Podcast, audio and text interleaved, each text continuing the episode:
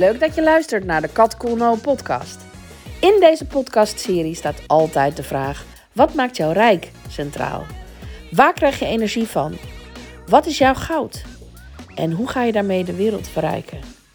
Ik interview inspirerende, ambitieuze, creatieve ondernemers.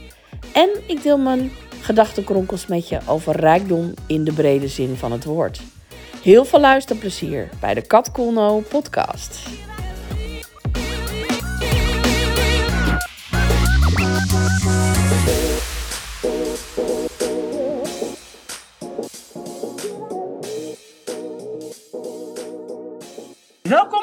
Aflevering van de Kat Cool No podcast. En vandaag heb ik een hele, hele leuke gast, namelijk Aike Borghuis. Hey Aike, welkom. Wat fijn dat ik er mag zijn, Kat. Dankjewel ja, voor je uitnodiging. You're so welcome. So, ik ben zo nieuwsgierig naar jou. wij, uh, ik zat te denken, waar kennen wij elkaar nou van? En we kwamen net achter dat het was bij Devoted, hè? met uh, een event van Eelco de Boer en Dolly Heuveling van Beek. En later hebben we nog een ja. tijdje in een, uh, in een mastermind samengezeten. Heel Klopt. tof. En, en toch blijf ik nieuwsgierig naar je. Dus dat is heel leuk. Dus ik denk, ik ga je uitnodigen voor de podcast. En daar was ook wel een mooie gelegenheid voor, namelijk uh, jouw, uh, jouw boek. En dus daar gaan we het zeker over hebben straks. Maar ik vind het eerst even leuk om uh, nou, jou, dat je jezelf even voorstelt aan de luisteraars. Um, Aike, wat, wat doe jij zo al in het leven? Waar word jij blij van? Um, nou, mijn naam is Aike Borghuis, 43. Uh, woon in Deventer met mijn man en uh, twee dochters, twee tienerdochters. Um, ik heb een eigen bedrijf sinds 2012. En uh, bij toeval ontdekte ik in 2019 dat eigenlijk al mijn klanten oudste dochter zijn. En daar ben ik me in gaan specialiseren. Dus ik heb echt onderzoek gedaan van wat maakt die oudste dochterplek nou zo interessant? Wat maakt dat leiderschap van die oudste dochters nu zo interessant? Um, dus ik werk met oudste dochters op leiderschapsposities en ervaren ondernemers. Oeh, cool. Ik voel me meteen aangesproken, ja. want ik ben zelf ook een oudste dochter. Um, ja. Grappig genoeg. En uh, ja, ik vind het ook heel, heel, um, heel leuk dat je dan zoiets kiest. Want ja, ik had het nog nooit eerder gehoord dat dat, een, dat, dat ook een niche kon zijn. Maar uh, ja, leuk. Ja, en het heeft ermee te maken, ik werk systemisch. Dus ik, van oorsprong werk ik veel met familieopstellingen, organisatieopstellingen. Dus eigenlijk in de intake met een, met een, met een klant uh, maakte ik ook altijd even uh, contact met, hey, wat, wat, is nou het gezin waarin je bent opgegroeid? En dat is ook de reden dat ik van eigenlijk al mijn klanten weet welke plek en positie nemen ze in in dat gezin. En dat brengt heel veel kwaliteiten met zich mee. Want oudste dochters kunnen veel verantwoordelijkheid dragen, uh, weten prima wat ze willen en hoe ze het willen, tenminste in, in hun werk. Um, en wat ik ontdekte is, het mag wel wat zachter. Dus ja, eigenlijk, hoe krijg je die bezieling weer terug in dat leven en dat werk? En daar help ik ze bij. Oké, okay, ja, want het is inderdaad, als ik zelf naar mijn eigen ding, ja, als oudste, als oudste kind sowieso, ben jij altijd degene die, die, die het pad moet vrij, uh, vrijmaken voor, voor de rest, als je nog broertjes en zusjes daarachter krijgt. En dat is, dat is wel een bepaald soort verantwoordelijkheid, inderdaad, die je dan ook soort van automatisch hebt, denk ik. Uh, ja dat zie je in ieder geval volgens mij vaak terug. Dat, ik weet, dat heb jij natuurlijk onderzocht, dus jij weet dat beter. Maar um, ja, ik vind het wel, uh, het is inderdaad wel zo, dat is wel een speciale positie. Dat is de middelste ook een speciale positie en de jongste natuurlijk ook. Maar goed. Klopt. Ja, en um, uh, dus jij bent daar heel nieuwsgierig naar geworden en toen kwam je erachter van, hé, hey, al mijn klanten zijn toevallig ook. Dat is ook wel grappig, hè, hoe dat dan gaat. Ja. ja. Mijn, ik kwam er laatst achter dat mijn, heel veel van mijn klanten hoogbegaafd zijn of bijna hoogbegaafd. Zo tegen het hoogbegaafd aanzitten. Terwijl ik dat zelf helemaal niet ben. Maar tenminste, niet dat ik weet. Um, ja. Dus dat is ook wel iets van, hè, oh, oké. Okay. Als je dan eens wat door gaat vragen. En ik van, hé, hey, er zit een rode draad in. Uh, hey, en die mensen die coach jij op hun leiderschap. Dus dat is bij bedrijven of uh, als ondernemers. Ja, wat ik eigenlijk ontdekte in 2019 toen ik begon te werken met oudste dochters. Ja, eigenlijk, nou even terug. In 2019 ontdekte ik er zit een rode draad in mijn bedrijf en ik kon hem niet te pakken krijgen. Dus toen ben ik met een marketingcoach samen aan de slag gegaan. Van wat, heeft, wat is nou die rode draad in dat bedrijf? Nou, toen kwam ik erachter dat het oudste dochters zijn. En wat ik toen ben gaan doen, is echt in gesprek gegaan met een aantal inspirerende oudste dochters die ik kende. Um, en ook een aantal die ik niet kende. Van hey, wat zijn nou de dingen waar je in het dagelijks leven tegenaan loopt? En wat ze eigenlijk allemaal los van elkaar zeiden. Weet je, uh, ik draag veel verantwoordelijkheid en ik kan dat ook goed. Maar het voelt ook best alleen. En er is eigenlijk nooit iemand die vraagt aan mij: hoe gaat het met jou? Of heb je nog ergens hulp bij nodig? Want die oudste dochters stralen ook wel uit dat ze het zelf kunnen. Nou, wat in die gesprekken ook heel duidelijk naar voren kwam, is dat ze zeiden: het zou wel wat lichter mogen. Ehm, en uh, ze zeiden: ja, ik weet wel wat ik niet meer wil, maar ik weet niet zo goed wat ik wel wil. Hmm. Um, en wat ze los van elkaar zeiden: ik neem me voor om het te gaan ontdekken. Maar iedere keer als ik dat doe, laat ik de agenda van anderen toch ook weer voorgaan. En toen dacht ik, hé, hey, maar dan ga ik ze bij elkaar brengen. Dus zo ben ik eigenlijk begonnen met het faciliteren van jaargroepen. Waarin we een jaar lang op ontdekkingsreis gaan met een vaste groep vrouwen uit allerlei verschillende organisaties. En met elkaar eigenlijk echt je eigen leiderschap ontdekken. En vervolgens ook, hoe doe je dat dan ook uh, zakelijk? En uh, daarin werk ik ook veel met organisatieopstellingen en het systemisch perspectief. Omdat je dan eigenlijk die onderstroom van wat er speelt naar boven haalt. En dus eigenlijk met minder moeite meer resultaat boekt. Ja, ja. Ja, het is zo grappig, want jij bent al, ik weet niet de hoeveelste die, uh, die ik interview, die ook uh, bezig is met opstellingen. Dus ik denk dat de luisteraar inmiddels niet meer hoeft te weten wat nou een opstelling is, want dat is wel helder. Ja. Maar het is wel waar, dat, ik vind het zelf ook fascinerend dat dat, dat opstellen, dat mensen in de ruimte plaatsen, um, over wat voor thema dan ook, het geeft zoveel helderheid door het voor je te zien. En het ook, ja, eigenlijk beleef je het op zo'n moment ook. Ja. En dat dat, zo, uh, dat het zo'n krachtige tool is. En ik hoor steeds meer mensen daarmee werken. En dat het geeft zoveel, uh, zoveel mooie inzichten. Ja, het is wel grappig, want daarin, ik ben in 2010 opgeleid in het systemisch werk. Dus ik werk al 13 jaar systemisch, eigenlijk op dagelijkse basis. En in het begin moest ik echt nog uitleggen wat een opstelling was. En er zaten mensen me echt aan te kijken. Zo van, nou, ik weet niet waar jij vandaan komt, welke planeet. En tegenwoordig hoef je het inderdaad niet meer zo uit te leggen. Dat klopt. Ja, zo van, wat is dit voor een vaag ding? Terwijl het, het is eigenlijk helemaal niks vaags. Het is helemaal niet zweverig. Het is juist, het is juist heel praktisch. En heel erg, eigenlijk heel down to earth juist. Want je, zet, je gaat daadwerkelijk met je voet op de grond op een bepaalde plek staan.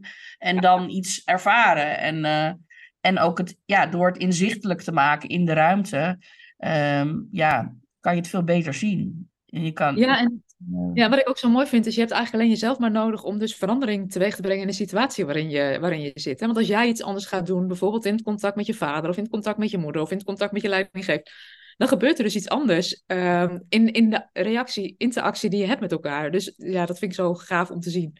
Ja, ja, ja. En ja, het is inderdaad, ja, jij bent er dan al heel lang mee bezig. Maar het is niet voor niks zo'n krachtig tool, inderdaad. En je ziet niet voor niks dat ook steeds meer op meerdere plekken wordt, uh, wordt gebruikt. En um, ja, heel, heel tof. Um, Aike, ja, ik, uh, ik wil natuurlijk ook even met je hebben over het boek wat je geschreven hebt. Het verborgen leiderschap van oudste dochters. Het is net uitgekomen, maar je vertelde me net dat het alweer aan zijn derde druk toe is. Ja, klopt. Derde druk wordt deze week geleverd. Ja. Boek, ja, we zitten nu op 22 mei, boek is 17 mei verschenen. Dus eigenlijk op het moment van verschijnen was de eerste en de tweede druk was verkocht. En uh, ook al een deel van de derde druk. Ja, wow. dus het, is, het boek is echt bovengemiddeld goed ontvangen. Ja, ja op één in de management top. Uh, ik weet niet hoe is het op. Ja, nummer één in managementboek, ja. Ja, ja, ja dus bizar. Bijna, ja, er staan volgens mij nu 20 of 21 dagen. Dus het is echt wel heel bijzonder wat daar gebeurde. Ja, ja, en we hadden het er van tevoren, voordat we de podcast aanzetten, kort over van. Ik zei ook, ja, ik, ik heb nog nooit een boek daarover gezien, over dit onderwerp. Nee, niet over oudste dochters en leiderschap. Er is een, in Nederland één boek verschenen over oudste dochters. Dat is geschreven door Lisette en Wiest, het, het uh, oudste dochter effect. En wat wel bijzonder is, um, is dat uiteindelijk uh, Lisette en Wies ontdekten dat ze heel veel eigenschappen gelijk hadden met elkaar.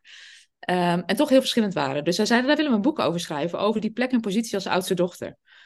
En uh, ze hebben daarvoor 100 oudste dochters bij elkaar gebracht in 2014. En ik was toen een van die workshopleiders. Um, en ik dacht gewoon, oh leuk, ik ga eens kijken naar die gezinssystemen, die gezinsverbanden. Wat is dan die plek als oudste dochter? En ik heb er daarna eigenlijk jarenlang niks mee gedaan, tot in 2019 dat kwartje weer viel van, hé, hey, weet je, ik werk eigenlijk al met ze. En toen heb ik ook contact met ze opgenomen van, goh, ik ben van plan om me echt hierop te gaan richten. Um, en eigenlijk vanaf dat moment is er wederzijds ook steun en support uh, uh, om die oudste dochters gewoon echt, uh, om het wat lichter te maken of samen te werken met ze. Tof. Ja. ja. Dat is heel leuk. En dat is ook, ja, weet je, ik, uh, ik zei al van, ik heb best wel lang in de boekhandel gewerkt. Ik heb nooit in de boekhandel ook niet een boek over gezien. Nou, jij vertelt nu dus van inderdaad, dus er is nog niet zoveel over. Ja. Dus ja, je hebt, een, uh, je hebt een mooi thema te pakken. En dus iets, ja, er zijn er ook veel.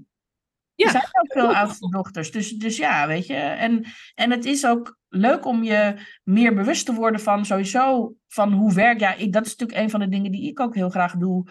Um, is mensen eigenlijk ja, bewust maken van wie ben ik nou eigenlijk? En wat zit er nou eigenlijk allemaal in mij? En waarom doe ik eigenlijk wat ik doe? En waarom werkt dat zo? En um, wat jij net vertelde ook van dat, dat je kijk op de wereld door zo'n opstelling bijvoorbeeld ook verandert. Omdat jij in één keer ontdekt van hé, hey, als ik oh, het is hoe ik er naar kijk. En als ik het dan op een andere positie ga staan, oh, dan voelt het in één keer heel anders. En ja, weet je, de situatie verandert niet, maar hoe jij er naar kijkt verandert wel.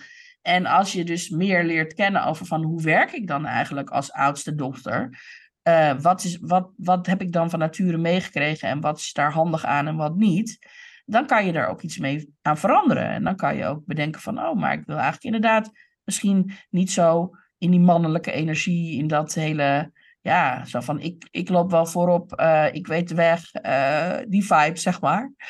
Ja. En, en wat meer ook, ja, um, dat je eens een keer niet die verantwoordelijkheid neemt of op een andere manier.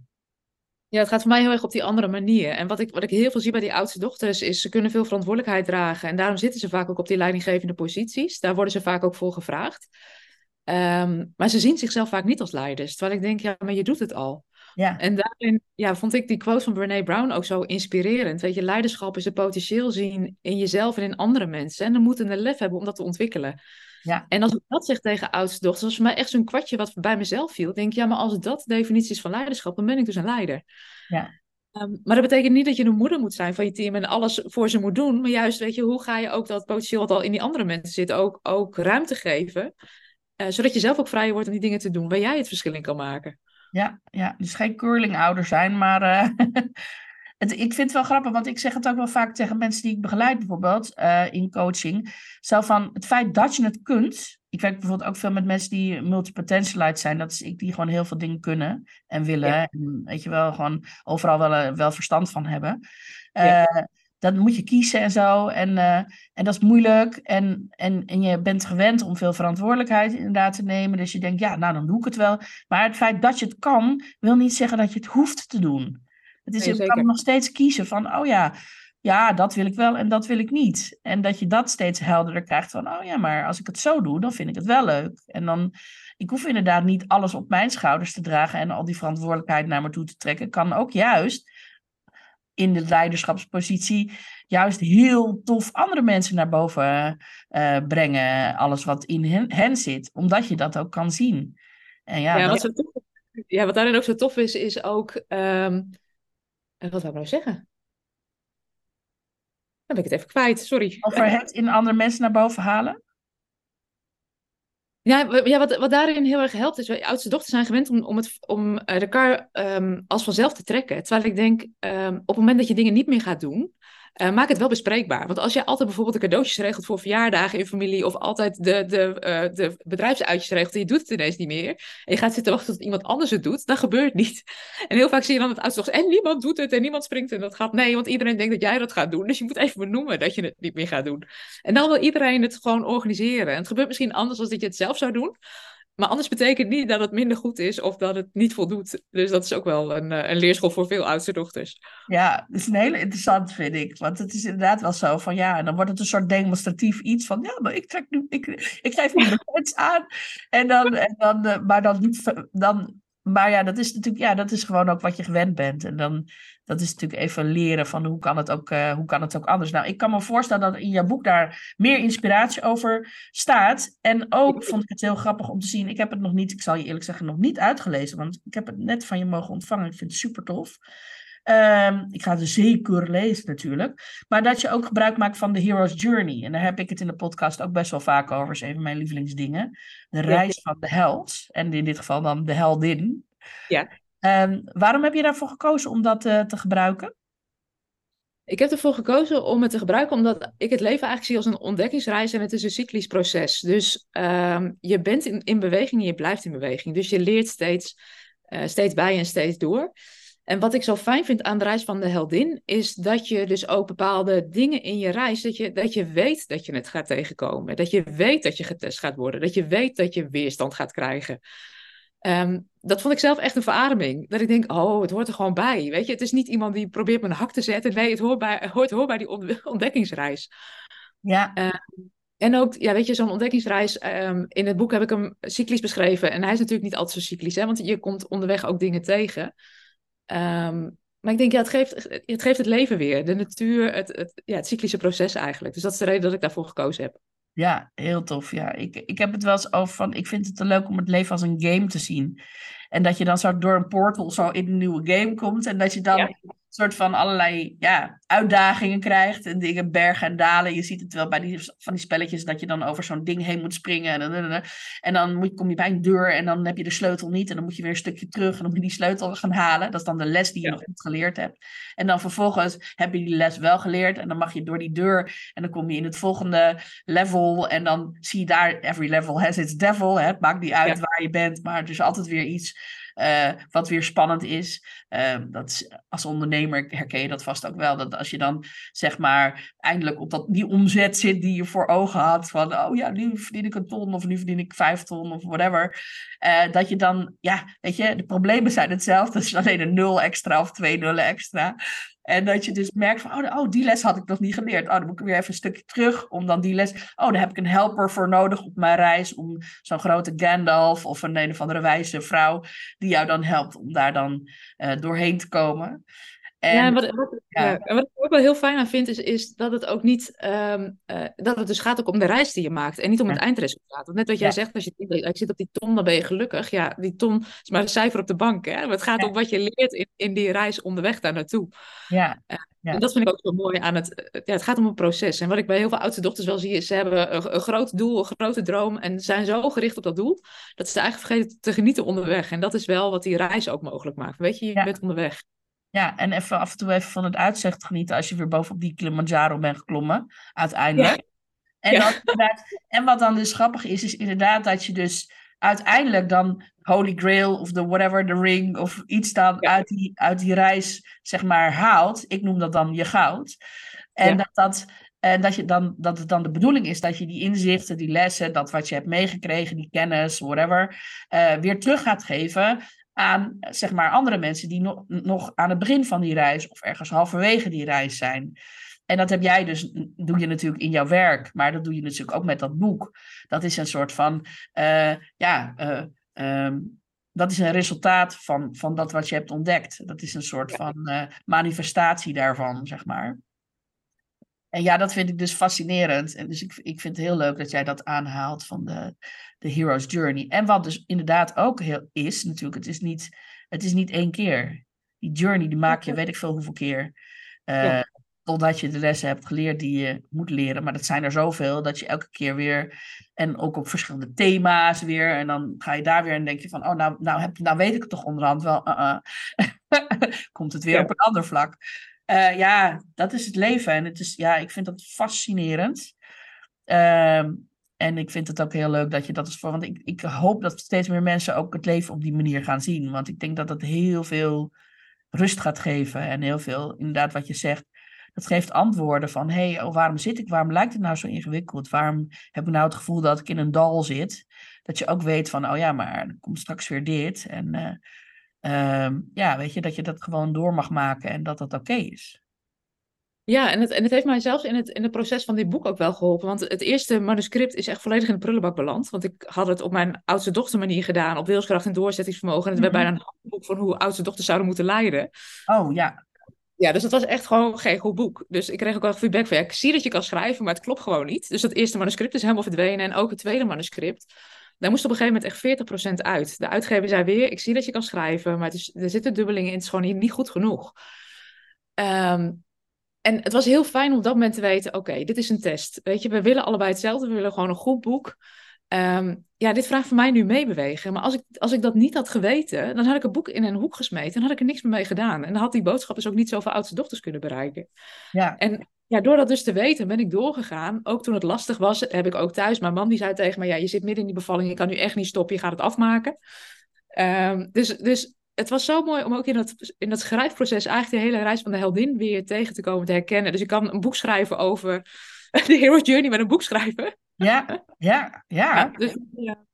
Maar dat Ja, dus is wel gek. Mensen denken dan van, oh ja, eh, als je wil schrijven, dan doe je dat gewoon. En dan, maar dat is, dat is inderdaad dus een hele, ja, je kan het vergelijken met een zwangerschap. Inderdaad, ik vind dat wel een mooie vergelijking. Eh, sowieso een creatieproces, iets wat je creëert, een online programma, het maakt niet uit wat, wat je maakt eigenlijk. Dat moet ook allerlei fases door. En het is inderdaad, ja, ik merk het, ik heb, ik heb best wel veel mensen geholpen met het, eh, ehm, ja, het, het creëren van een boek. Eh, Ja. Omdat dat een toffe manier is om je goud te delen. En dat je dat, ja, ik heb ook best wel veel eerste en tweede versies afgekeurd. Ja. Dat ik echt, ja, weet je, nu is, het, nu is de shit eruit, weet je wel. Want dat was dan een Ja. verhaal met heel veel heftige dingen erin. Nou, dit, dat ben je nu kwijt. En nu Ja. moet schrijven, weet je wel. Nu ga je het goud delen. Want het gaat natuurlijk, ja, weet je, zeker als het een verhaal is wat je over je eigen belevenissen. Dan heb je ook best wel kans dat er emotionele lading op zit. En ja, daar zit een lezer niet per se op te wachten. Ehm, dus je moet altijd share the message, not the mess. Hè? Dus het is, is uiteindelijk moet je dus dat, dat, dat goud moet eruit gedestilleerd worden. En dat is wat je, waar de ander wat aan heeft. Eh, ja, en dan moet je zelf ook dat proces helemaal door. En ehm, ja, dat is ook mooi juist. Ja. Dus eh, die eerste versie die heeft zeker nut. En die tweede ook. Ja, anders was het er niet geweest. Het boek had er niet kunnen zijn als ik die, als ik die eerste stappen en die, en die fouten, of tussen haakjes fouten die ik heb gemaakt in dat proces niet had gemaakt. Dan, dan was dit er niet geweest nu. Nee, het is een soort clean-up proces is dat hoor. Dat, dat, hoort, daar, dat hoort daar gewoon bij. Dat is, dat is het voortraject van zo'n... eh, en dan daarboven, daarbovenop komt dan in één keer... Oh, dit, dit is waar het echt over gaat. Dus, Ja. dus dat is het leuke ervan, van het hele proces. Maar ja, het is wel, het is wel pittig.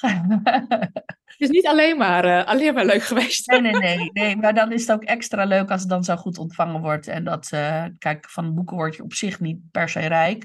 Maar gewoon het feit dat mensen ehm, ja, gewoon dat interessant vinden om te lezen. Dat ze daar iets aan hebben. Dat je gewoon, eh, ja, dat je er toch een bepaalde impact mee kan maken. Dat is gewoon cool.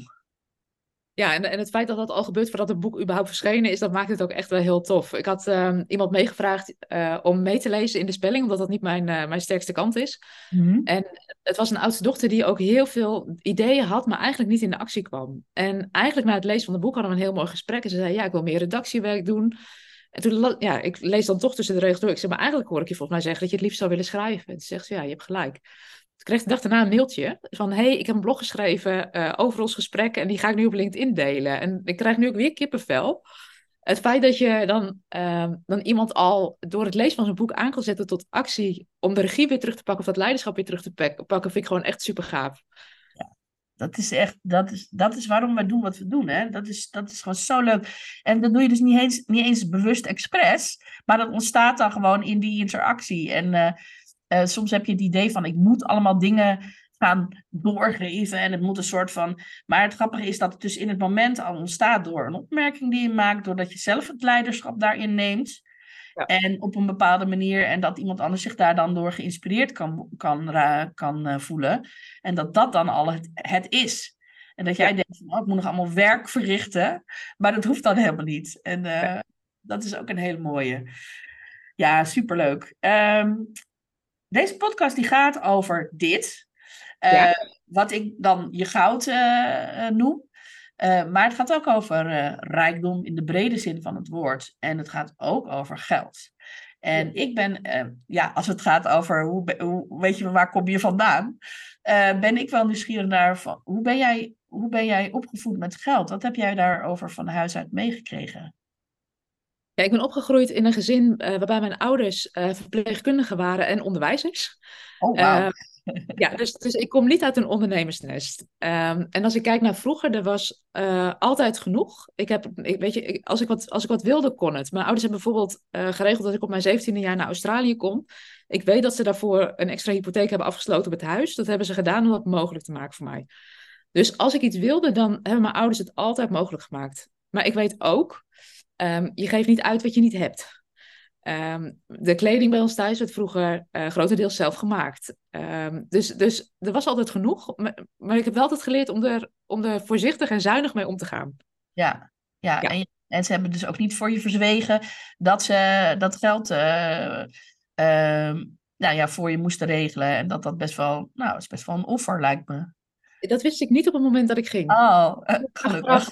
Als was je niet gegaan waarschijnlijk. Nee, nee, waarschijnlijk niet. Want dan had ik gedacht, weet je, ze moeten zoveel eh, concessies doen om dat mogelijk te maken. Ehm, Ja. En zo hebben wij vroeger ook altijd wel muziekles gehad. Eh, weet je, dat waren ook de duurdere hobby's. Ja. Ja, maar dat... Ja, dus, dus mijn ouders hebben wat dat betreft ons alles, alles gegeven wat, wat, ja, wat we hadden kunnen willen wensen op dat vlak. Ja, wauw. Wat tof. Dat is wel heel goed. Is mooi om dat te doen. Ja. Ja. Ehm, en ehm, als jij zelf geld hebt, waar, waar geef jij het graag aan uit? Wat vind jij leuk om... eh, Herinneringen. Ja? Ik hou van, eh, ja, ik hou van dingen samen doen. Dus ehm, een van de grote dromen die ik had, die is in 2019 uitgekomen. Ik ben natuurlijk een jaar op mijn 17 naar Australië geweest. Nog altijd contact met dat gastgezin. En zij vroegen steeds van, wanneer kom je nou? En ik had steeds allerlei belemmeringen van, ja, weet je, ik heb, ik heb het geld niet. eh, We kunnen het niet betalen. ehm, ik kan mijn bedrijf niet zes weken in de steek laten.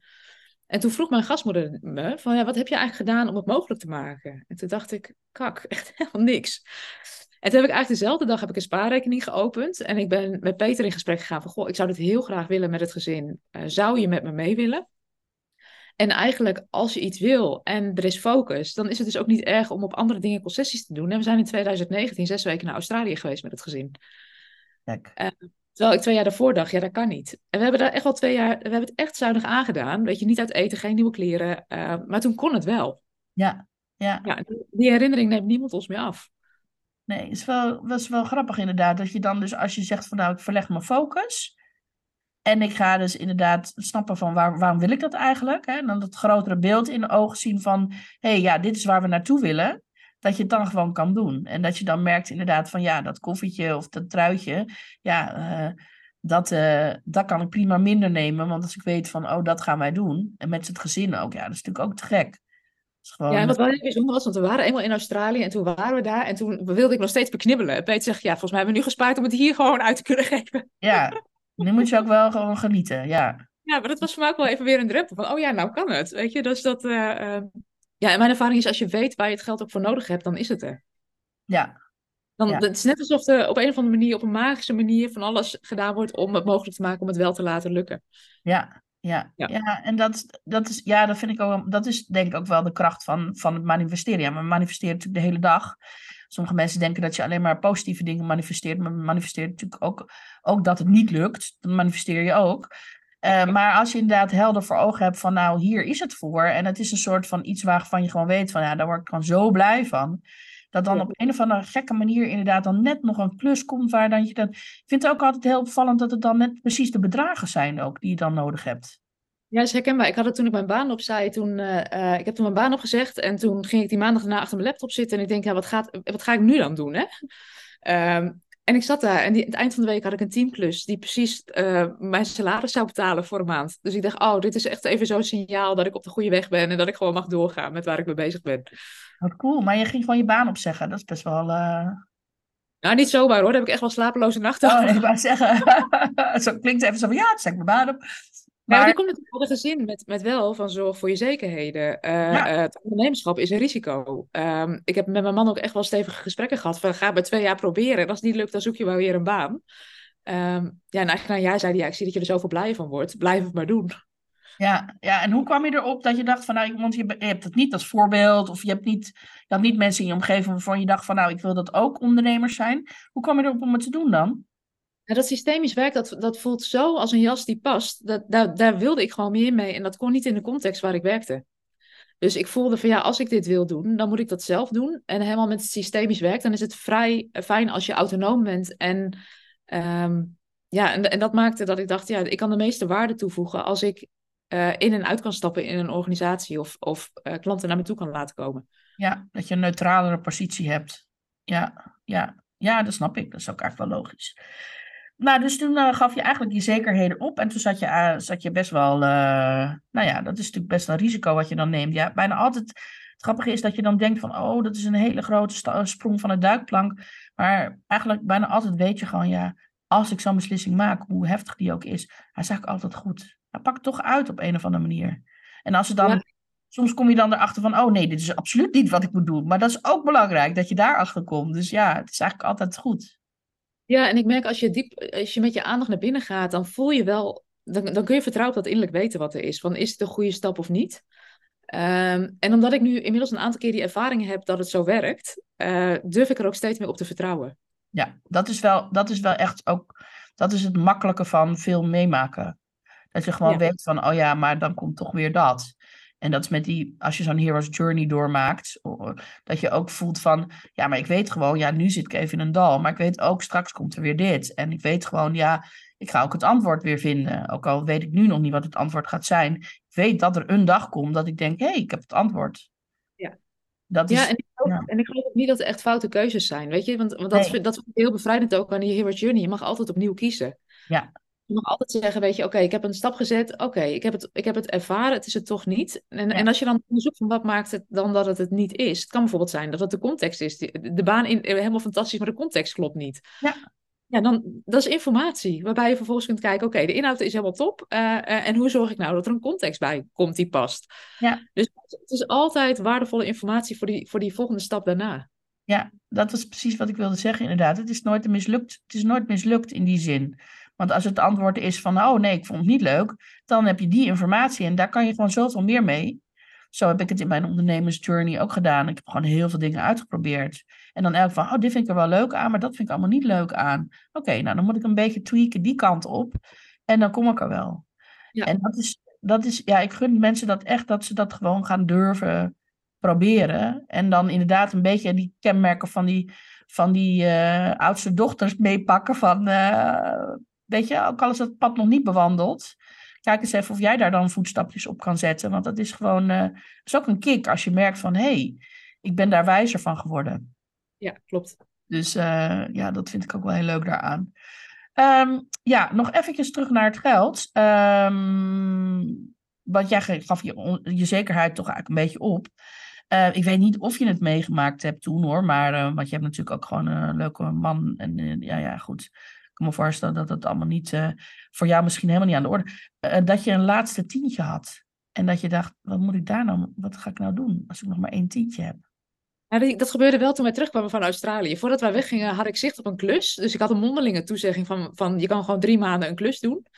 En ik kwam terug en toen was de eerste dag kreeg ik de mening, ja die klus gaat niet door. Want degene die mij akkoord had gegeven op de klus bleek niet de budgethouder te zijn. En het werd dus overroeld. En toen dacht ik, ja, en nu dan? Want ik stond gewoon in het rood, heel eerlijk. Um, dus het tientje was er niet eens meer. Toen dacht ik, ja, en dat is het voordeel van ondernemer zijn. Dat ik ben gaan kijken, oké, maar hoe, wat, kan ik nou doen om wel gewoon weer geld te gaan verdienen? Wie kan ik helpen? Uh, en hoe ga ik zorgen dat mensen weten dat ik ze kan helpen?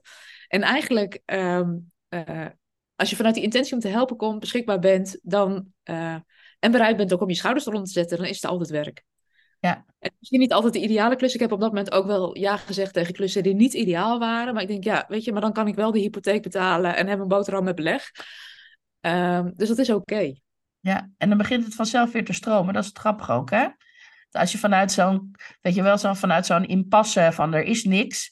En dan wacht tot de ideale klus komt, dan komt die niet. En als jij dan in één keer denkt, nou, ik ga toch maar iets doen dan ben je daarmee bezig en dan komt in één keer iets heel tofs langs. Dat, dat, dat is mijn ervaring altijd. Dat ik denk van, oh ja, oké, nou ja. Uh, je noemt daar wel precies waar de sleutel in mijn beleving ligt. Het is niet blijven zitten en manifesteren en hopen dat het naar je toe komt. Het is altijd in beweging blijven. In beweging gaan kijken naar die volgende stap. En dan komt die. Ja, ja, ja, ja, het moet toch stromen op een of andere manier. En als het dan stroomt, dan stroomt het gewoon daarna sneller of zo. Maar vanuit stilstand is het echt moeilijk om überhaupt iets gedaan te krijgen. Dus uh, ja, dat is wel ja, dat is mijn ervaring in ieder geval ook, ja. ja. Ja, wat ik dan ook wel heb geleerd is dat, dat als het stroomt in mijn bedrijf, dat het ook stroomt in mij. Dus als het in mij niet stroomt, stagneert alles in mijn bedrijf. Stagneert ja. alles in mijn relaties. Dus daarin weet ik ook hoe belangrijk het is om te doen wat goed is voor jou en wat bij je past. Ja, ja en dat goed te weten ook. En dat als je dat niet weet, dat inderdaad gaan onderzoeken. En wat ja. bij mij gewoon helpt, is gewoon fysiek ook gewoon gaan lopen. Zeker. Ja, dus ik zeg ook altijd als mensen vastzitten, zorg dat je in beweging komt. Dat je fysiek in beweging komt. Helpt altijd. Ja. En voor mij is uh, is altijd goud. Ja, ja, ja, dat, ja dat, werkt, dat werkt bij mij ook altijd wel goed hoor. Gewoon, en ook, het hoeft niet briljant te zijn, je moet gewoon beginnen schrijven. Um, de, de artist way is een hele goede manier als je voelt van ik zit vast. Ga je de morning pages, drie pagina's in de ochtend, terwijl je nog niet helemaal wakker bent, drie pagina's in de ochtend schrijven met whatever comes to mind. En dat mag dus ook grote onzin zijn, want het hoeft namelijk niet een boek te worden. Het moet gewoon zijn dat die stroom weer op gang komt. En uh, dan merk je dus van, hé, hey, dan begint het weer. En, uh, ja, ik ja. vanaf 2013 al dagelijks mijn morning pages. Is voor mij echt, uh, dat is een van de instrumenten die voor mij ontzettend veel beweging heeft gebracht. Ja, ja, ik heb dat... Ik, denk, terug, ik, gooi het, ik gooi het ook weg. Ik, ik had op een gegeven moment twintig boeken. Ik denk, ik doe er niks mee. Weg ermee. Want, en, en dat voelde ook heel vrij. Dat ik denk, het is een manier om te verbinden met mezelf. En voor de rest hoef ik er niks mee. Nee, nee dat is helemaal niet het doel van, de, van dat schrijven. Maar je hebt wel je innerlijke criticus uh, de mond gesnoerd. Dat boek bestaat al volgens mij 30 jaar. Ik denk dat ik het 30 jaar geleden ongeveer... Het was net uit. Toen heb, ben ik ermee begonnen. Dus dat is wel grappig, ja. Echt... Uh, en ik heb nog steeds het licht gewoon altijd naast me. Ik raad het ook aan iedereen die voelt van, ook oh, loopt niet helemaal lekker, raad ik het aan. Fantastisch boek. Maar goed, um, daar komen we straks nog op. Um, als, uh, als geld geen rol zou spelen, hoe zou jouw leven er dan uitzien? Dat is wel een hele interessante vraag. Ik heb altijd nog wat verlangen om wat meer buitenaf te wonen. Uh, dus dat is wel een droom die ik heb. Um, en ik denk dat ik sneller zou groeien met mijn bedrijf. Hmm. En dat is wel een interessante vraag die je stelt. Weet je, er komt nu best wel wat op, op, op me af.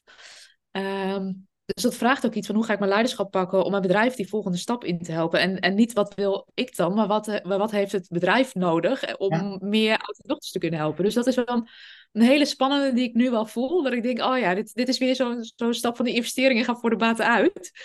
Uh, heb ik het lef en durf ik het? Ja, ja, en dan zit je te denken aan een team of uh, aan collega's? Of... Ja, ik heb de vorm nog niet helemaal helder. Dus ik moet, dat hmm. vraagt voor mij ook even gewoon eh, weer even dromen. Van weet je, als we meer oudste dochters willen helpen, hoe kunnen we dat dan doen? Uh, want ik wil wel die meest waardevolle speler zijn. Dus ik wil, weet je, aandacht is voor mij belangrijk, verbinding is belangrijk, persoonlijk contact.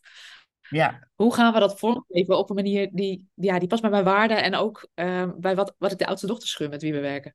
Ja, ja. En ik heb, wel een coach, ik heb wel een coach bij die ook al individuele uh, trajecten voor mij begeleidt. Omdat het, ja, het was gewoon te veel, kon het niet meer alleen. En dat doet ze fantastisch. Uh, maar het is wel de vraag, wat is, wat is de volgende stap nu? Ja, spannend. Leuk ja. ook. Nou, we, we, we, houden het in de gaten, dan merken we het vanzelf. um, ja, wat, ja, nou ja, sowieso, dat is natuurlijk, ja, ik ben een heel groot fan van ondernemer zijn, omdat dat gewoon, weet je, het is ook een soort spannend, maar het is ook, um, het is gewoon never dull moment. Het is, het, is, het is echt. En je leert zoveel over jezelf en over waar je naar verlangt en wat je. Ja, wat goed voor je, inderdaad, voor je hogere doel is. Want het is natuurlijk, dat gaat niet over jou, dat gaat over hoe kan ik meer mensen helpen. En uh, ja, dat, ja, wat heeft dat nodig? Dus dat is superleuk. Um, en ja, dat is ook rijkdom in mijn ogen. Dat. Maar er zijn nog natuurlijk meer dingen die jou rijk kunnen maken. En dus ik ben wel nieuwsgierig. Wat, wat, zie jij, wat maakt jou rijk? Wat zie jij als jouw rijkdom? Nou, we zijn bijvoorbeeld de afgelopen dagen met de brandweerbus. Peter heeft een oude brandweerbus, uh, zo'n oldtimer, opgeknapt tot camper. Um, en we zijn, we zijn een paar dagen geweest kamperen. Um, en we hebben gewandeld op de Lemelenberg. Ja, dan ben ik echt ultiem gelukkig. Dus geluk zit voor mij in, in uh, buiten zijn, in beweging zijn, met de mensen van wie ik hou. Uh, dat is voor mij geluk. Ja. Dan ja. voel ik me rijk. Ja. ja. het contact met mijn kinderen, het contact met mijn ouders, met mijn zussen, vrienden en familie. Ja, dat is, dat is, dat is rijkdom voor mij. Ja, ja, mooi. Nee, nee. Het zit, in, in, ja, in verbinding. Ja, het zit in, in, het zit in ervaringen, in connectie. Ja, ben ik met je eens hoor. En uh, ik, ik gun het ook altijd heel erg dat je dat ook ziet. Hè? Dat je af en toe even uitzoomt en denkt van... Oh, dit is toch zo tof dat we dit kunnen doen. Dat je gewoon inderdaad gewoon lekker met je, met je camper uh, op pad kan. En die vrijheid kan voelen. Ja, heerlijk. Ja hey, en uh, nou ja, daar een beetje aan gelinkt, daar, daar, daar, dat is je goud, zoals ik dat dan noem. En dat is eigenlijk alles wat je in je leven hebt verzameld tot dusver aan kennis, ervaring, um, skills, maar ook levensinzichten. Um, en als ik jou nou vraag van wat denk jij dat jouw grootste goud is? Ja, mijn grootste goud. Ik, um, wat, wat ik zelf heb ontdekt is dat geluk niet buiten mezelf ligt, maar in mezelf. Dus uh, dat is echt weer verbinding maken met wie je in de kern bent, wat voor jou van waarde is en dat de wereld inbrengen. Um, ik denk dat dat mijn grootste goud is en dat ik daar ook open en eerlijk over deel. Waardoor ik merk dat andere oudste dochters zich uh, uitgenodigd voelen om die reis ook te gaan maken. En ik geloof eigenlijk dat de wijsheid zit al in ieder van ons. Weet je, die bezieling zit in ieder van ons. Ja, als je daar weer contact mee kan maken, dan um, stroomt alles. Ja. Ja, dus dat, voor mij is, is dat mijn grootste les. En, en ik weet ook hoe het is om daar heel ver vanaf te zijn. Hmm. Door het gewoon niet meer leuk te vinden, door uh, um, echt vast te lopen, een wandelend hoofd te zijn. Um, ja, ik, ik, heb, ik, ik ken die andere kant ook zo goed. Dus daarom waardeer ik ook wat er nu is zo. Ja, maar daardoor kan je het ook herkennen en kan je ook andere mensen daar beter bij helpen, omdat je gewoon kan signaleren van, hé, hey, weet je, volgens mij is er dit gaande. En weet je, jij hebt natuurlijk die weg bewandeld. Dus jij kan ook, ja. bedoel, het is niet dat elke tool voor iedereen werkt, maar het is wel zo dat er natuurlijk zijn ook universele dingen die in principe bijna voor iedereen wel werken. Ja, dus dat ik ga ook altijd wel op naar wat werkt voor jou. Hè? Dus ik, ik heb, ja. weet je, ik heb ik, nou, met honderden klanten gewerkt de afgelopen jaren. Het is altijd de puzzel van of, wat, wat werkt voor jou en hoe ja. maak je het zo klein dat het te doen is. Ja, ja. ja. En een soort cocktail bij elkaar maken van, van iets wat voor jou dan werkt met wie jij bent en hoe jij naar het leven kijkt. Ja, dus dat is wel, uh, ja, dat is zeker goud. En goud ja, het grappige is dat heel veel mensen uh, niet doorhebben dat hun goud eigenlijk, dat is vaak iets heel vanzelfsprekends, iets wat je eigenlijk van nature al doet. Bijvoorbeeld inderdaad wat oudste dochters van nature al doen, leiderschap pakken op een bepaalde manier. Dat is ook goud. Alleen waar ze dan inderdaad tegenaan lopen, uh, dat ze dus te veel verantwoordelijkheid nemen of dat ze inderdaad uh, denken dat ze echt alles moeten dragen en dat dat dus niet hoeft. En dat dan inzien, nou ja, daar ja. kan je natuurlijk fantastisch mee helpen. Uh, dus dan kan je een mooie inspiratie voor anderen zijn. En ja, dat is ook een beetje een bruggetje naar waar ik het met je over wil hebben, namelijk over inspiratie. Um, jij hebt zelf natuurlijk een heel mooi boek geschreven, maar wat is jouw eigen favoriete boek en waarom? Mijn favoriete boek is uh, Kinderen van Moeder Aarde van Thea Beckman. Oh, serieus? Je bent, ik, vind dat zo, ik vind dat nog. Ja, De Kinderen van Moeder Aarde van Thea Beckman is geschreven in 1986. En Thea Beckman is ook gewoon zo'n ziener.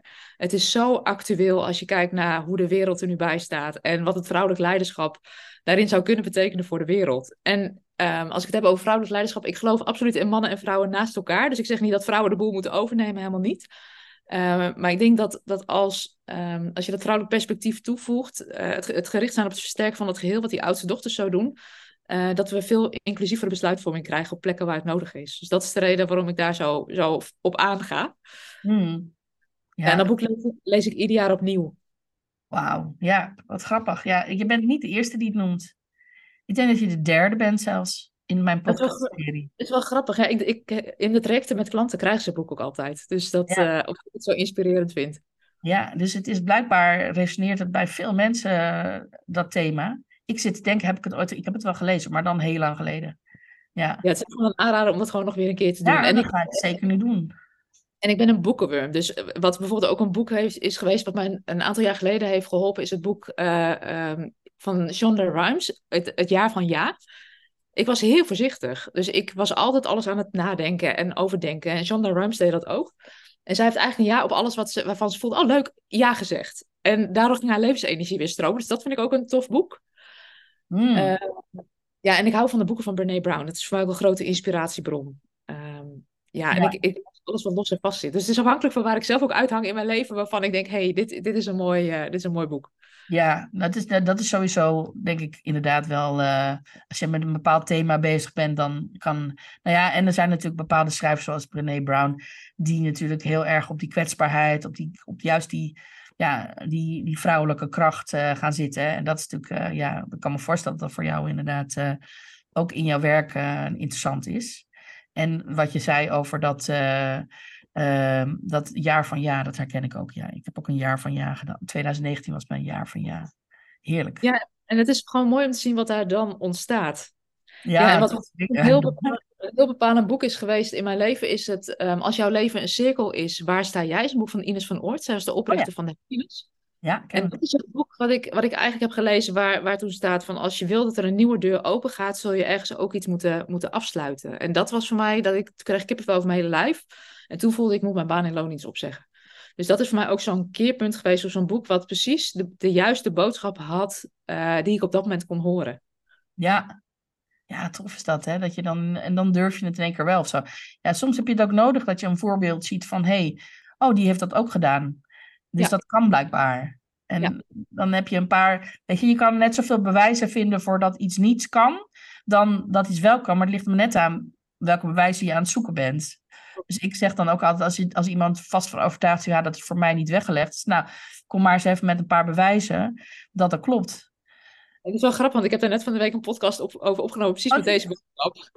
Oh, serieus? Oh, die Ja, dat is wel weer synchroniciteit, zo. Met toeval dat dat zo naar voren komt nu. Ja. Ja. Ja, zo van, eh, weet je, je kan voor alles kan je bewijzen vinden. Dat is helemaal niet moeilijk op zich. Dus eh, weet je, ga dan bewijzen vinden voor iets wat jou ondersteunt. Maar goed, laat, ze, laat iedereen maar even naar jouw podcast luisteren. Leuk trouwens dat je een podcast hebt. Wist ik Ja. wel, daar wou ik het nog over hebben. Ehm, ja, want het is, ehm, ehm, nou ja, over inspiratie gesproken. Ehm, ja, je noemt net al ehm Brene Brown. Heb jij nog andere mensen waarvan jij zegt van nou dat is een groot voorbeeld van mij? Dat mag een ondernemer zijn, maar ook ben ik veel iemand, iemand waarvan je zegt van nou, Het zijn voor, voor mij eigenlijk mensen die echt heel authentiek en trouw zijn en daarin hun eigen keuzes maken. Dus dat kan heel dichtbij zijn en ver weg. hmm, En voor mij zit het echt in die authenticiteit, ja, authenticiteit van, van doe je, ja, leef je je leven op jouw manier. Ja. Ja, ja dus, dus zijn daar dan voorbeelden van? Ja, ik vind heel veel mensen inspirerend. Dus, Hmm. dus ja, dat doe je mensen mee tekort als je daar, als je daar voorbeelden in, eh, in gaat noemen. ja, dat, dat kan, dat snap ik ook. En, en soms heb je ook van nou die vind ik inspirerend omdat hij dat doet, of die vind, haar vind ik inspirerend omdat ze zo doet, of omdat ze dit is, of omdat ze, weet je, dat het a- allemaal om verschillende redenen soms kan zijn. Maar wat je zegt van ja, die authenticiteit, dat je eigen pad volgen, ehm, ja, soms ook wel een beetje pionierrol hebben. Ja, en, en, en wat, wat daarbij eigenlijk altijd wel de sleutel is bij, bij mannen en vrouwen die ik inspirerend vind, is altijd gericht zijn op dat versterken van dat geheel. Ik heb bijvoorbeeld vorige week een documentaire gezien over eh, Rebecca Gompert van Women on Waves, of nu Women on Web, om abortus mogelijk te maken voor vrouwen eh, eh, wereldwijd. Mhm. Ja, dat zelfbeschikkingsrecht vind ik zo belangrijk. En de manier waarop ze dat doet, als het niet linksom gaat, dan, dan maar rechtsom. En altijd op zoek naar die, naar die mogelijkheden. En ja, ik vind dat gewoon heel inspirerend. Ja. ja, iemand die echt ergens voor staat. Ja, dus er zit eigenlijk altijd iemand die echt ergens voor staat, ergens in gelooft en daar linksom of rechtsom een weg in vindt. Ja, En ook kan dealen met de kritiek die je onderweg eh, krijgt, hè? want dat, dat hoort erbij. Ehm, en dat vraagt ook lef en moed om dat uit te kunnen houden. ja zeker. Ja. En dan- je moet dat allemaal dragen. En, eh, en in, in, nou ja, in zo'n geval van zo'n abortusverhaal is het natuurlijk helemaal... Ja, weet je, dan heb je zoveel tegenstanders en je hebt zoveel... Maar ja, je weet gewoon van ja, dat is zo belangrijk. En dat je dan de moed en het lef hebt om dat te kunnen blijven volhouden. Nou, dan moet je echt het grotere plaatje wel zien, want anders dan kan dat niet. Nee, en dat, en dat zijn ja, mensen die mij gewoon inspireren, die echt dat grotere perspectief blijven zien. Ja. Super mooi. als, ehm, als ik jou echt zou kennen, ja, wat zou ik dan over jou weten? dat ik altijd dingen te optimistisch inschat qua tijd. ik denk dat er later op mijn grafsteen staat. Op mijn graf, het kostte wel iets meer tijd dan ze dacht. dat vind ik dan goed nieuws. Ja, dus, dus eh, en soms is het ook wel goed ook, want anders zou ik bepaalde dingen gewoon niet beginnen. Als, als ik van tevoren zou weten, ook met dat boek, hoeveel tijd het zou kosten en dat het allemaal moeizamer ging als dat ik gedacht had, dan, ja, dan zou ik sommige dingen niet beginnen. Ehm, nou, de uitgever die zei laatst eh, tegen mij, weet je, het, het heeft ons best wel eens geschuurd in die samenwerking. Ze zei, oh, je lijkt wel zo'n people terrier. Als je helemaal vast hebt, laat je niet meer los. Ik denk dat dat ook wel heel typerend is. Als ik iets echt wil, dan laat ik niet los voordat het gerealiseerd is. Linksom of rechtsom gaat het me lukken. Mhm. Ehm, ja, wat, ik zit even te denken, wat, wat zijn dan verder van die typische dingen voor mij? Heb je een gekke, gekke hobby of een... eh, een eh, Ja, ik, ik, hou, ik hou van plantjes. Dus ik, eh, eh, ehm, in coronatijd ben ik begonnen met van die kneusjesboxen. en ik geniet ontzettend van plantjes in mijn huis. En een van de dingen die ik vaak niet zo durf te zeggen, ik haak. Het is voor mij een manier om mijn hoofd leeg te maken. Dus, maar dan denk ik, ja, is een beetje zo'n oude mensenhobby. maar ik word daar heel rustig van. Dus ik hou hip, van... hoor. Ja, dat weet ik niet. Maar ik kan heel gelukkig worden. Weet je, maar mensen, een boekenwinkel kan ik helemaal gelukkig van worden. Dat is voor mij een snoepwinkel, maar een wolwinkel ook. Dat ik denk, oh, allemaal mooie dingen. Oh. Ehm, ja, dus ik hou ook van dingen met mijn handen maken. Ja, maar dat snap ik ook. Want jij zei er straks van dat je, dat je ook een hele tijd een, wandel, een wandelend hoofd bent geweest. En ehm, dat je lijf eh, eigenlijk meer een transportmiddel voor je hoofd was. Dus Ja, dan snap ik ook dat dat zijn hele goede manieren om eh, schrijven natuurlijk ook. Om van je hoofd naar je handen te gaan. Ja. En met, met ja, dingen als handwerken, dat werkt natuurlijk ook gewoon heel goed. eh, om, eh, en dat hoeft dan niet per se iets te worden. Dat is natuurlijk leuk als het wel iets wordt, maar... Ik En wat misschien ook wel een geinige is, is eh, ik doe mijn denktijd in de sauna. Dus als ik een denktijd nodig heb voor mijn bedrijf, dan ga ik een dag naar de sauna. En dan heb ik een opschrijfboekje mee en aan het eind heb ik altijd helderheid. Maar dat is voor mij ook een manier om naar binnen te keren. Dus, Ja. dus, dus ik had laatst al een gesprek met de accountant, want ik kon mijn, mijn barenkaart niet opvoeren. Want dat kon niet volgens de Belastingdienst. Ik zeg, ja, ik mag wel een kantoor huren, Ja, maar ik mag niet mijn sauna eh, declareren. Nee, dat is helemaal oké. Ah. Geintje. Eh, maar dat is voor mij een plek waar ik vaak mijn denkwerk doe. ja dan dat kan ik me voorstellen, ja. En dan heb ik één sauna, daar ga ik naartoe als ik, als ik wil denken. Dus dat is een werksauna. En de rest van de sauna's, daar ga ik naartoe om te ontspannen. Dus eh, afhankelijk van waar ik naartoe ga, weet ik ook wat ik ga doen. Oh, wat grappig zeg. Ja, de, de thinking time, hè? Dat is, eh, dat is zo mooi. ehm, ehm, volgens mij was dat Keith Cunningham die dat bedacht, eh, bedacht had. Dat je als ondernemer, nou ja, als mens in het algemeen, denk dat voor iedereen heel nuttig kan zijn. Om eh, eh, met een vraag te gaan zitten. En daar dan eens gewoon langer dan tien minuten over na te denken. En dan eens kijken welke antwoorden komen er allemaal. Als ik wat meer ga broeden op die vraag. Ja, en ik merk, en als ik dat thuis doe, dan is er altijd iets wat afleidt. En als ik in de sauna zit, dan kan ik gewoon blijven zitten met die vraag. En daarna mijn inzichten opschrijven. Dus dat is voor mij een hele fijne manier om dingen helder te krijgen. Ja, ja, ja. En het, ja, het is eigenlijk heel belangrijk om daar, om daar tijd voor te nemen. En dat doen we eigenlijk niet. Of zelden. En dat is, eh, ja, is wel mooi. Dat is een mooie, mooie tip. Ja, En, ik merk in deze tijd dat ik het extra nodig heb. Nu het, juist nu het zo hectisch is. Dus ook al kan ik maar een paar uurtjes, ik ga wel. Omdat dat voor mij gewoon weer even mezelf voelen is. En dan weer weten wat die volgende stap is. Ja, ja dus, er was toch ook een uitspraak van eh, de Dalai Lama, of nou, ik weet niet meer van wie. Van als je druk hebt, dan eh mediteer dagelijks één uur. Behalve als je stress hebt, dan twee uur. Ja, precies. Ja. Het voelt voor oudste dochters heel tegen natuurlijk. Hè? Ook als ik kijk naar mezelf en ik ben gewend, hup, schouders eronder doorgaan. Ehm, maar ik weet dat juist het tegenovergestelde helpt. Ja, ja juist, eh, juist vertragen. Ja.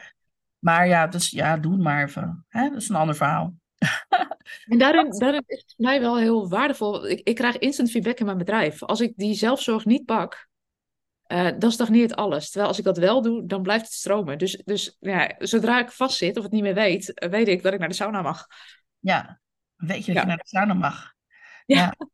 Ja. Ja, of je gaat gewoon elke week naar de sauna, dan weet je dat je niet vast komt te zitten. Nee, dat is ook wel een mooie. Maar dat, zover ben ik nog niet. Komend steeds dag deze weet je. ja, ja, ja. ja. Daar ben ik weer begonnen met. Nou, ik, deed, ik heb heel lang, echt elke dag, best wel lang gemediteerd. En Ja. het schoot er toch wel een beetje bij in op een gegeven moment. Ik denk, jeetje, waarom stroomt het nou niet? Oh, ik mediteer niet meer. Of in ieder geval niet meer zo intensief. En ik ben- ik heb dat echt nodig, anders dan word ik helemaal mijn hoofd, joh. Al die gedachten en al die. Ik heb elke dag wel 20.000 ideeën. En denk van, wat moet ermee? Als ik Ja. mediteer, dan gaat het tenminste allemaal een beetje in vakjes. En dan wordt het allemaal wat, eh, wat overzichtelijker van. Maar dan vergeet je gewoon van, oh ja, en je moet gewoon af en toe zo'n go-to dingetje hebben waarvan je weet van als ik dat doe, dat helpt. Ja. En, En ik eh, krijg het naar huis terug, dat mijn dochter tegen me zegt: Mam, wordt het niet eens tijd voor de sauna? dat is fijn.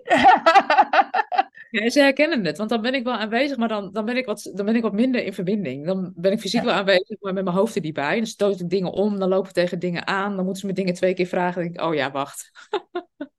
Wat goed zeg. Nou ja, dat is mooi. Dat ze dan gewoon ze- en dat ze je gewoon daarheen sturen van eh, ga jij maar eventjes eh, een beetje zweten. Precies. Nou, is, ik vind het wel een goeie. Ik denk dat ook voor veel mensen best wel, eh, weet je, op een of andere manier gunnen we het dus onszelf niet. Terwijl als je kijkt naar hoeveel productiever en kwalitatief beter je leven is als je dat wel doet. Ehm, als je jezelf dat wel gunt. En dan denk je, ja, het kost twee uur of drie uur van mijn tijd. Ja, eh, maar het levert je wel twintig uur meer aan energie op. Op tijd aan de batterij maakt gewoon dat je beter eh, de batterij op tijd aan de oplader. Ja. Functioneert je systeem gewoon beter. Maar ja, dat vergeten we dan soms. En eh, als we zoveel verantwoordelijkheid oppakken, en zeker ook als je ook een gezin hebt en zo, ja, dan vrouwen wat dat betreft. Ja, ik heb makkelijk praten, want ik ben in mijn eentje, dus ik, hoef, ik, heb, ik heb zo min mogelijk verantwoordelijkheid. Ja, en daarin heb ik echt wel geluk met mijn man. Weet Ja. je, wij doen het samen en onze kinderen zijn inmiddels, eh, eh, mijn oudste wordt bijna 18 en mijn jongste wordt bijna 16. Dus het wordt gewoon ook echt makkelijk. Ja, Dus, ik, ja, weet je, dus als ik naar mijn zusjes kijk met die hele jonge kinderen, dan, dan is het ook echt anders dan bij ons thuis. Dus dat, uh, dat is het voordeel van je relatief jong moeder worden. ja, ja, zeker. En als ik dan zo hoor dan van 16 en 18 en dat ze jou dan uh, kunnen aangeven van, mam, je moet even naar de sauna. Dat betekent dat ze daar zelf ook zelfbewust op zijn. Dus dat is heel goed. Want dat, dat, is natuurlijk ook iets wat kinderen in principe nou, niet per se meekrijgen, in ieder geval niet op school. En dat je dus dan dat je dus ziet van, oh ja, die selfcare is best wel belangrijk. Ja, ja het zijn wel spiegels hoor. ja, ja, ja. Hoe leuk is dat eigenlijk, hè? Ja, ook ja, niet altijd, Kat, niet altijd. Soms is het ook wel in your face, maar meestal uh, zitten ze wel raak. ja, oh, over spiegels gesproken. Um, of eigenlijk levensinzichten. Wat, uh, wat is voor jou een belangrijk levensinzicht of ja, les geweest waarvan je zegt van nou, dat heeft echt wel veel veranderd? Ja, je moet het zelf doen, maar je hoeft het niet alleen te doen. Hmm. Is voor mij heel bepalend geweest. Als ik kijk naar mezelf, um, ik dacht dat ik altijd alles alleen moest doen en dragen. En ik dacht ook dat een leider het alleen moest doen en dragen. Terwijl, ja, samen is het zoveel leuker en lichter. En dat is in mijn relatie zo, weet je, samen met Peter is het gewoon zoveel, zoveel lichter. Het is uh, in mijn bedrijf met mijn team om me heen. Uh, het wordt het lichter. Het boek was nooit zo goed geweest zonder de samenwerking met het team van Van Duren. Uh, als ik kijk naar uh, het membership waarin ik nu zit, daar, even met elkaar kunnen sparren. Het is, het is goud waard. Dus ja, voor mij echt het niet alleen willen doen, maar samen. Dus echt. Ja. Ja, ja je komt wel verder. Ja. En het is ook, ja, weet je, um, het, ik weet ook niet waar dat vandaan komt dat je denkt dat het alleen moet. Weet je wel, dat je, ja. Eh, Dirk de Wachter zei daar iets heel moois over, dat we sowieso, um, uh, dat is die, uh, die Vlaamse psychiater, um, die heeft het altijd over dat je ook wel eens af en toe niet gelukkig moet voelen, dat is ook goed. Dus somberheid is ook mooi. En hij zegt ook, we bestaan eigenlijk bij de gratie van onze omgeving, van anderen. Als zij ons zien, als wij ons gezien voelen, dat is eigenlijk ons bestaansrecht. En dat vind ik wel, vond ik wel een mooi. Ik dacht van ja, dus je hebt die ander nodig. Niet als een soort van afhankelijk poppetje, want oh, ik kan anders niks. Hè, dat is mijn perspectief erop. Zo van, nou ja, maar ik wil niet afhankelijk zijn. En ik wil wel mijn eigen uh, ja, boontjes kunnen doppen. En ik wil wel zelfstandig zijn. En, en een bepaalde verandering. Maar dat is iets anders. Er is een heel groot verschil tussen verantwoordelijkheid dragen en leiderschap pakken. En inderdaad dingen allemaal in je eentje doen. Ja, dus het is wel heel mooi dat je dat zegt, want daar zit wel eens verwarring. Voor mij gaat het erom, weet je, je bent in verbinding met jezelf, je staat als volwassene op je eigen plek en de ander is daarin altijd een aanvulling. En dan heb je een verbinding. En waar volgens mij heel vaak de verwarring zit, is dat mensen bang zijn dat ze in een binding terechtkomen, van dat je afhankelijk wordt van elkaar. Ja. Um, maar als ik kijk naar mezelf, weet je, ik weet dat ik mezelf kan redden uh, um, en het is zo fijn om het samen te doen. Ja, ja, nou precies dat. Want ik had dat dus inderdaad ook altijd van dat ik dan dacht bijvoorbeeld van ja, ik moet niet zielig zijn. Want als ik zielig ben, dan verlies ik mijn kracht. Terwijl er zit nog een heleboel, er zit nog heel veel andere dingen uh, die daartussen zitten. Tussen zielig zijn en afhankelijk zijn. En inderdaad uh, alles in je eentje doen en denken dat je alles aan moet kunnen. En uh, ja, een, een, een, chronische ziekte dragen. En tegen iemand zeggen, hey, kan je me eens een keer helpen met iets? Uh, ja, dus dat is wel, denk en dat is natuurlijk voor, voor oudste dochters is dat echt wel een ding. Voor iedereen, denk ik. Maar vooral, en met name ook voor vrouwen, dat is natuurlijk altijd denk van, ja, maar ik kan het toch dragen, dan draag ik het toch ook gewoon. Ja, en wat daar ook wel bij komt, is ook het schuldgevoel uit, uithouden als je het anders gaat doen. Hè? Want je wordt ontrouw aan wat je bijvoorbeeld geleerd hebt in het gezin waarin je opgegroeid bent. Of je wordt ontrouw aan, aan het systeem waar je deel van uitmaakt op het moment dat je kiest voor jezelf. Ja. Ik, ja, weet je wat ik heel vaak ook wel zeg? Weet je, je schuldgevoel is een goed teken. Dat betekent dat je volwassen bent en je eigen keuzes gaat maken. Oh uh, ja. Dus die helpt soms ook. Ook op het moment dat ik wel eens me schuldig voel, dat ik denk, ja, ik heb best wel veel tijd alleen nodig. Ook voor het schrijven. Ik ben echt weken alleen weg geweest. Um, in het begin voelde ik me daar schuldig over. Maar ik denk, ja, ik heb dit nodig om dit de wereld in te kunnen brengen. En daarna ben ik er weer. Ja. Ja, en ik denk dat dat schuldgevoel, je schuldig voelen, dat dat, um, als je weet dat dat erbij hoort, omdat je eigen keuzes maakt, dan wordt het beter uit te houden. Ja, ja, en dan weet je ook gewoon van ja, mag ook gewoon. Ja. Ja. En, en ja, je kan natuurlijk ook gewoon anders labelen. Ja, klopt. En als je, ja, weet je, volgens mij is het ook gewoon een goed voorbeeld wat je kan geven aan je gezin. Ja. Ja, dat- dat is wel grappig, want mijn man en ik doen dat allebei. Wij zijn tegenpolen. En dat, dat werkt in onze relatie heel goed. Maar ik moet, laatst ook iemand tegen mij van, goh, maar is het dan niet lastig dat jullie zo verschillend zijn, dat jullie zoveel dingen ook alleen doen of zelf doen? Maar ik zei ook tegen hem, Peter die is heel handig met techniek en lampen maken. Ik zeg, moet er toch niet aan denken dat ik hele avond ernaast moet zitten terwijl hij zijn lampen knutselt? En dat ik dat, weet je, dus, dus we hebben onze eigen dingen en, en we hebben onze eh, dingen die verbinden. En, en voor sommige andere dingen hebben we andere vrienden met wie we dingen delen. Volgens mij is dat het geheim van een goede relatie. Ja, dat denk ik Dat je wel. allebei je eigen dingen ook hebt. En dat je ook gewoon, dat jij ook niet, dat niet, als jij zegt van nou, ik vind dat lampen, ja, leuk voor jou, maar ik heb er niks mee. Dat je dan ook iemand daar gewoon lekker mee kan laten zijn. En dat je niet gaat, gaat hopen dat hij dan met iets anders bezig gaat, omdat jij dat leuker vindt. Maar dat je gewoon denkt, jouw ding. En Ja. dat je allebei los van elkaar je ding hebt. En dat je daar dan wel begrip voor elkaar hebt van dat je die twee dingen hebt. Maar dat je elkaar lekker kan laten zijn. Want dan, ja, weet je, dan hoef je elkaar ook nooit verwijten te maken. Eh, van, ja, maar jij bent daarmee bezig. Ja, maar eh, dan hou je ook... Ik denk dan altijd, maar dat is mijn egocentrische kant. Denk ik, ja, maar als diegene daar dan lekker mee bezig is, kan ik lekker mijn eigen ding doen. Hoef, hoef me daar ook niet rot over te voelen. Het, het is zo, zo, en je hebt elkaar wat te vertellen. Als je allebei, allebei hetzelfde leuk vindt de hele tijd en alles samen doet, my god, ik moet er niet aan denken. Nee.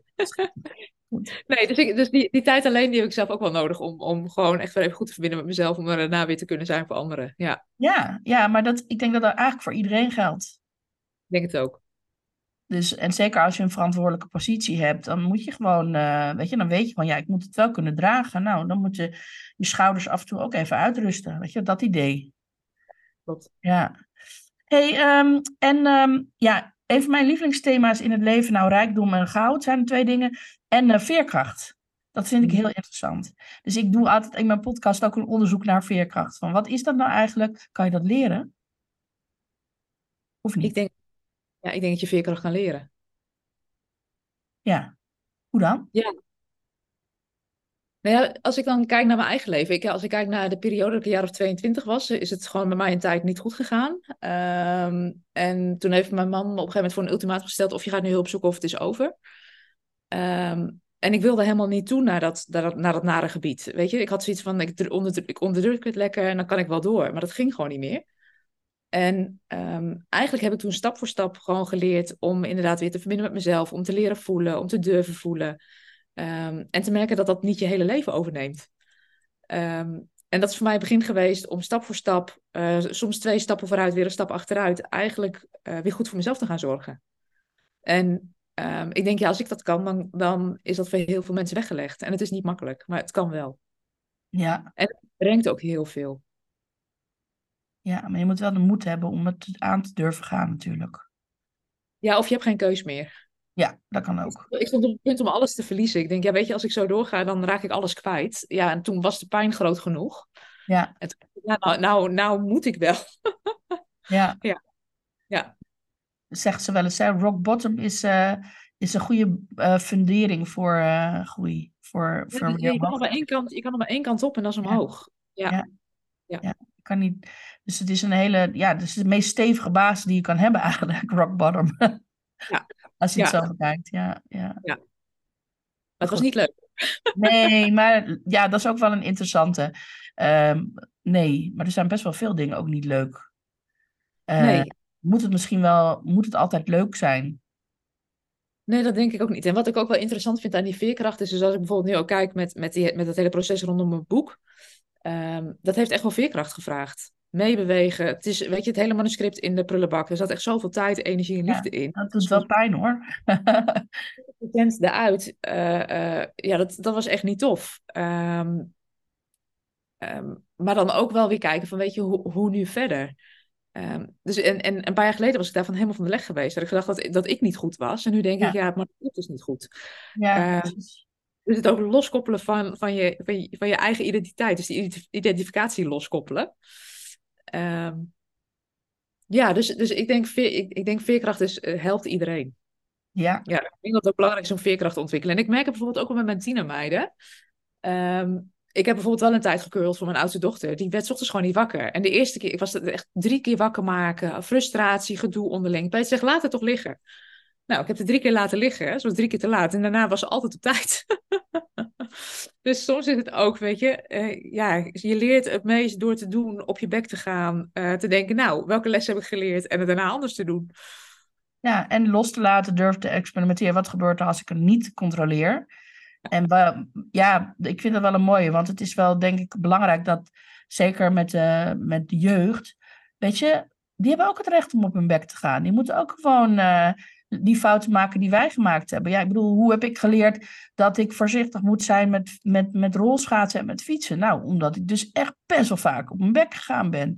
Hoe weet ik van, oh, ik moet niet mijn hand in de kaars steken? Nou, omdat ik dat best wel vaak... En niet dus omdat mijn moeder zei, blijf van die kaarsen af. Nee, die keek gewoon die andere kant op. En die denkt, nou, je gaat het wel merken. Ja. En toen dacht ik, auw. En toen dacht ik, oh, dat moet ik misschien niet meer doen.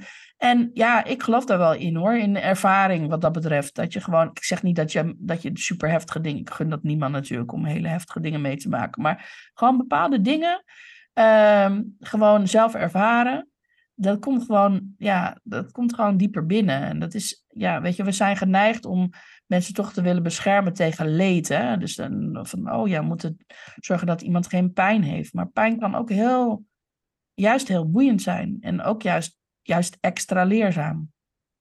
Ja, en ik denk dat het ook mijn werk als, als coach wel typeert. Weet je, het is naast een klant staan terwijl die zijn stappen zet. En eh, niet iemand willen redden, maar erop vertrouwen dat iemand zelf alles in huis heeft om het te kunnen. En dat kunnen ze ook.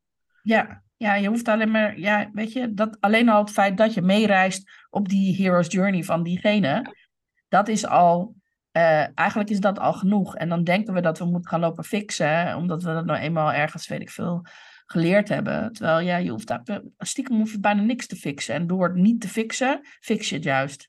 Ja. Maar ja. ja. Mm ja, ja, precies. Dat is de uitdaging, denk ik wel altijd. Maar ja, het is wel mooi. En ehm, ja, je zei net ook nog iets dat ik dacht van oeh, um, over de veerkracht, maar ik ben het vergeten. Maakt toch niet uit. Ehm, nog twee vraagjes heb ik voor je. Namelijk, wat is, uh, wat lees, luister, luister en kijk jij op dit moment? Op dit moment helemaal niks. Oh, lekker rustig. Nee, ik kijk op dit moment helemaal niks. Um, wat ik, wat ik, het laatste wat ik heb gekeken is Dream School. Uh, bijvoorbeeld. Ehm, omdat ik het heel interessant vind van hoe, hoe zit dat in elkaar. Um, ik heb laatst documentaires gekeken over um, Moeders zijn ook dochters op NPO. Een documentaire waarin ook het systemisch werk wel aan de orde komt. Els van Stein is daar onder andere ook als gast in aanwezig. Uh, wordt ook een vervolg over de relatie tussen dochters en hun vader wordt, uh, wordt uitgewerkt. Dus dat is, dat is meer ook die vakbril die ik interessant vind. Mm, ja. En even kijken, wat is het laatste? Ja, het laatste boek wat ik heb gelezen was toevallig afgelopen weekend. Is Het Perfecte Zusje van Anna van der Bremer. Dus ik had echt even wat anders in plaats van vakliteratuur. Dus dat, uh, dat heb ik van het weekend gelezen. Okay. En ik heb, en ik heb de e-myth gelezen afgelopen weekend. Wauw, dat is knap voor jou. Ja, ik lees heel langzaam, dus ik, uh, ik doe het heel lang over boeken. Maar... Ja, ik lees graag en ik lees snel en ik lees ook vaak meerdere boeken door elkaar. Ik kijk weinig tv en ik kijk ook niet zoveel Netflix, maar ja, lezen doe ik wel graag. Ja, is ook een goed boek, hè, de E-Myth. Ja. ja. Ja, dus ook van wat, wat, niet wat wil, wat wil jij, maar ook van wat heeft bijvoorbeeld een bedrijf nodig van een ondernemer om te kunnen groeien. Omdat het bedrijf ook gewoon wil groeien. Dus nou ja, dat, dat is dan weer, dan denk ik, oh ja, er zit een nieuwe groeistap aan te komen. Hoe, ja, wat heb ik daar dan voor nodig om daar weer klaar voor te zijn? Dus daar haal ik weer inspiratie uit. Ja, ja het is een, dat is een heel mooi voorbeeld inderdaad. Van, uh, voor heel veel ondernemers een heel interessant boek. En... Ja, ik vond het ook zo interessant. Zo van, hey, weet je, ben je nou de vakman, ben je de manager of ben je de ondernemer? Dat ik denk, oh, af en toe ben ik nog veel te veel de vakvrouw, hè? Ik hou van mijn vak. Ja, ja. ja. En dan kan je zeggen van, nou, oké, ga ik dan een andere rol aannemen? Ga ik dan inderdaad meer de ondernemer zijn? Maar weet je, als dat niet in je zit, dan moet je misschien wel gaan samenwerken met iemand die dat dan wel is. En dan op die manier, zeg maar, groeien. Want je kan, nou ja, het is een beetje konijn leren zwemmen verhaal. Hè? Als, je, als jij eigenlijk gewoon veel meer uh, ja, echt, echt wel duidelijk identificeert met een bepaalde rol en dat jou gewoon het beste afgaat, dan is ook de vraag van, moet je dan inderdaad wel, het is natuurlijk altijd lastig voor ondernemers, want die hebben altijd het gevoel dat ze alles moeten kunnen. Uh, maar ja, als je op een bepaald level zit, dan hoeft dat natuurlijk niet meer. Dat is het leuke. Dan weet je wel hoe het allemaal werkt. Maar dan weet je ook heel duidelijk van, oh ja, maar daar is, dat, dat vind ik niet zo leuk om te doen. Of daar zit mijn talent niet. En dan ga je natuurlijk, dat is de leuke uitdaging, om dan mensen om je heen te verzamelen die die rollen dan op zich kunnen nemen. En dan uh, en zo verder. Klopt. klopt. Ja, het is wel spannend. Ja, dus zo, zo, leren, zo leren we bij. En ik, ja, ik hou van boeken. Ik, weet je, dus het zijn voor mij ook wel een soort mentoren of coaches. Ik haal altijd wel een inzicht uit een boek van ik denk, oh, wat kan ik hiermee? Of hoe pas ik het toe? Ja. Ja, mooi. Ehm, ja, en dan heb ik eigenlijk nog de, de laatste vraag. Zo, heb je nog ehm, tips of advies voor eh, de luisteraars van, nou, of een mooie quote of iets waar, een, een, een mantra waar jij uh, uh, inspiratie uithaalt? Ja, ik heb hem. Ja, wat, wat voor mij wel belangrijk is, weet je, als je het jezelf goed laat gaan, heb je meer te geven aan de wereld om je heen. Die, die helpt mij om dingen, om keuzes te maken die goed zijn voor mij. Ja, en ik heb hem net ook al genoemd, je moet het zelf doen en je, moet, je hoeft het niet alleen te doen. Die is voor mij zo uh, bepalend in uh, levensgeluk. Hmm, ja. Dus die zijn, voor mij, ja, die zijn voor mij heel waardevol, die gebruik ik veel. Ja, ja. het zijn mijn lessen, ik leer ze ook aan mijn klanten, weet je, dat is, ja, daar ligt voor mij een belangrijke sleutel. Als, jij, uh, als mensen jou willen vinden, waar kunnen ze jou vinden? Um, het makkelijkste is op www.oudstedochter.com. Ja, en daar uh, kun je uh, de blogs lezen, daar kun je informatie vinden over het boek, daar kun je een podcast luisteren als je het interessant vindt. LinkedIn ben ik ook actief. Um, dan kun je me vinden onder Eike Borghuis. En um, ik hou ervan om te verbinden, dus uh, stuur me gerust een connectieverzoek. Leuk, leuk. Ja, want we, we zetten natuurlijk al die links in de show notes en ook waar, waar ze jouw boek kunnen bestellen. Want ja, dat is gewoon een heel, heel tof boek geworden. En nou, leuk ook. Ik wist eigenlijk helemaal niet dat je een podcast had. Dus dat vind ik ook heel leuk om te horen. Dus die ga ik zeker zelf ook even luisteren. En um, ja, dankjewel voor dit uh, hele toffe gesprek. En voor je mooie levenslessen die je hebt gedeeld. Jouw goud. Jou, jij bedankt, Kat. Dankjewel dat ik hier mocht zijn. You're so welcome. Um, en uh, voor de luisteraars, uh, dankjewel voor het luisteren. En tot de volgende keer. Ciao.